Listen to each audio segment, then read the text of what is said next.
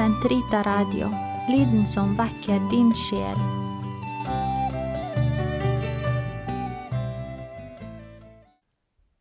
Den katolske kirkes katekisme, uke 33, fredag 22.07 til 22.13.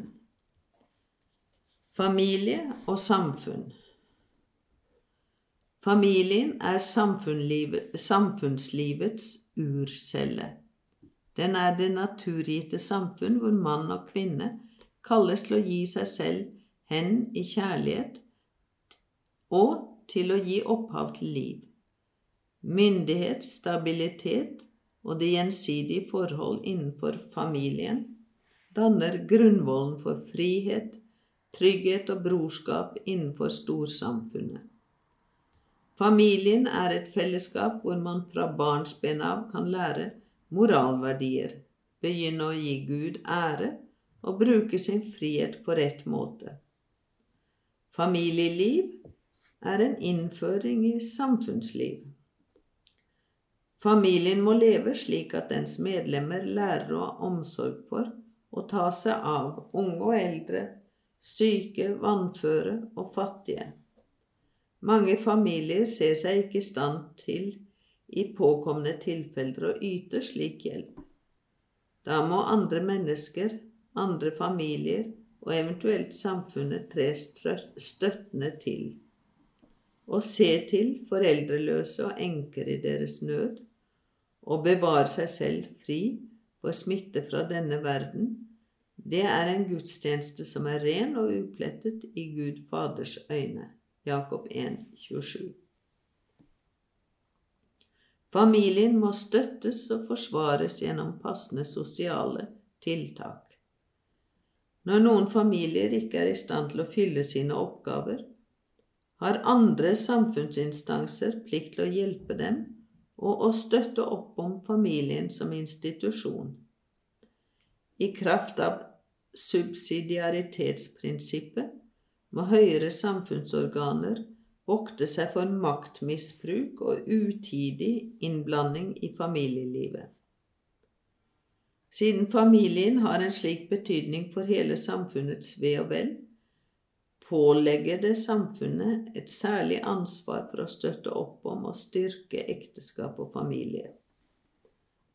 De offentlige myndigheter bør anse det som en alvorlig forpliktelse å erkjenne, beskytte og fremme familiens sanne vesen, verne om den offentlige moral og sørge for velstand og trivsel i hjemmene.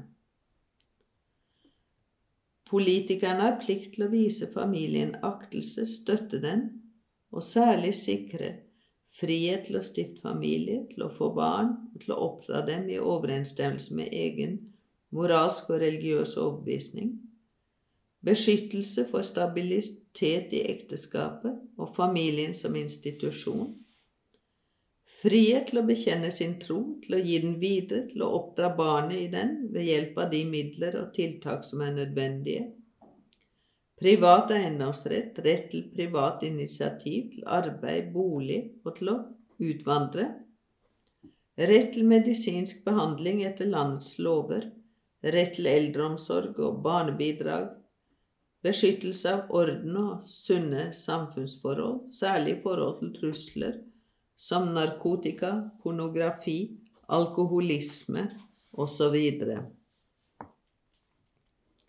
Frihet til å danne foreninger sammen med andre familier, for på denne måten å være representert overfor sivile myndigheter.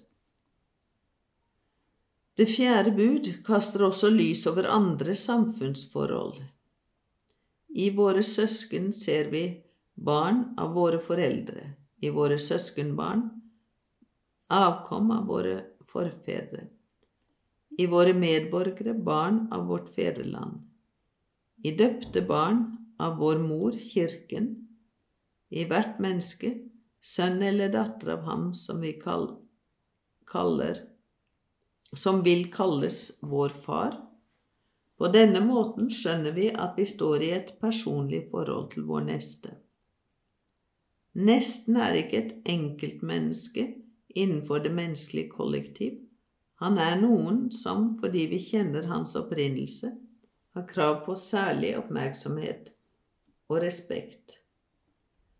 Menneskesamfunn består av personer.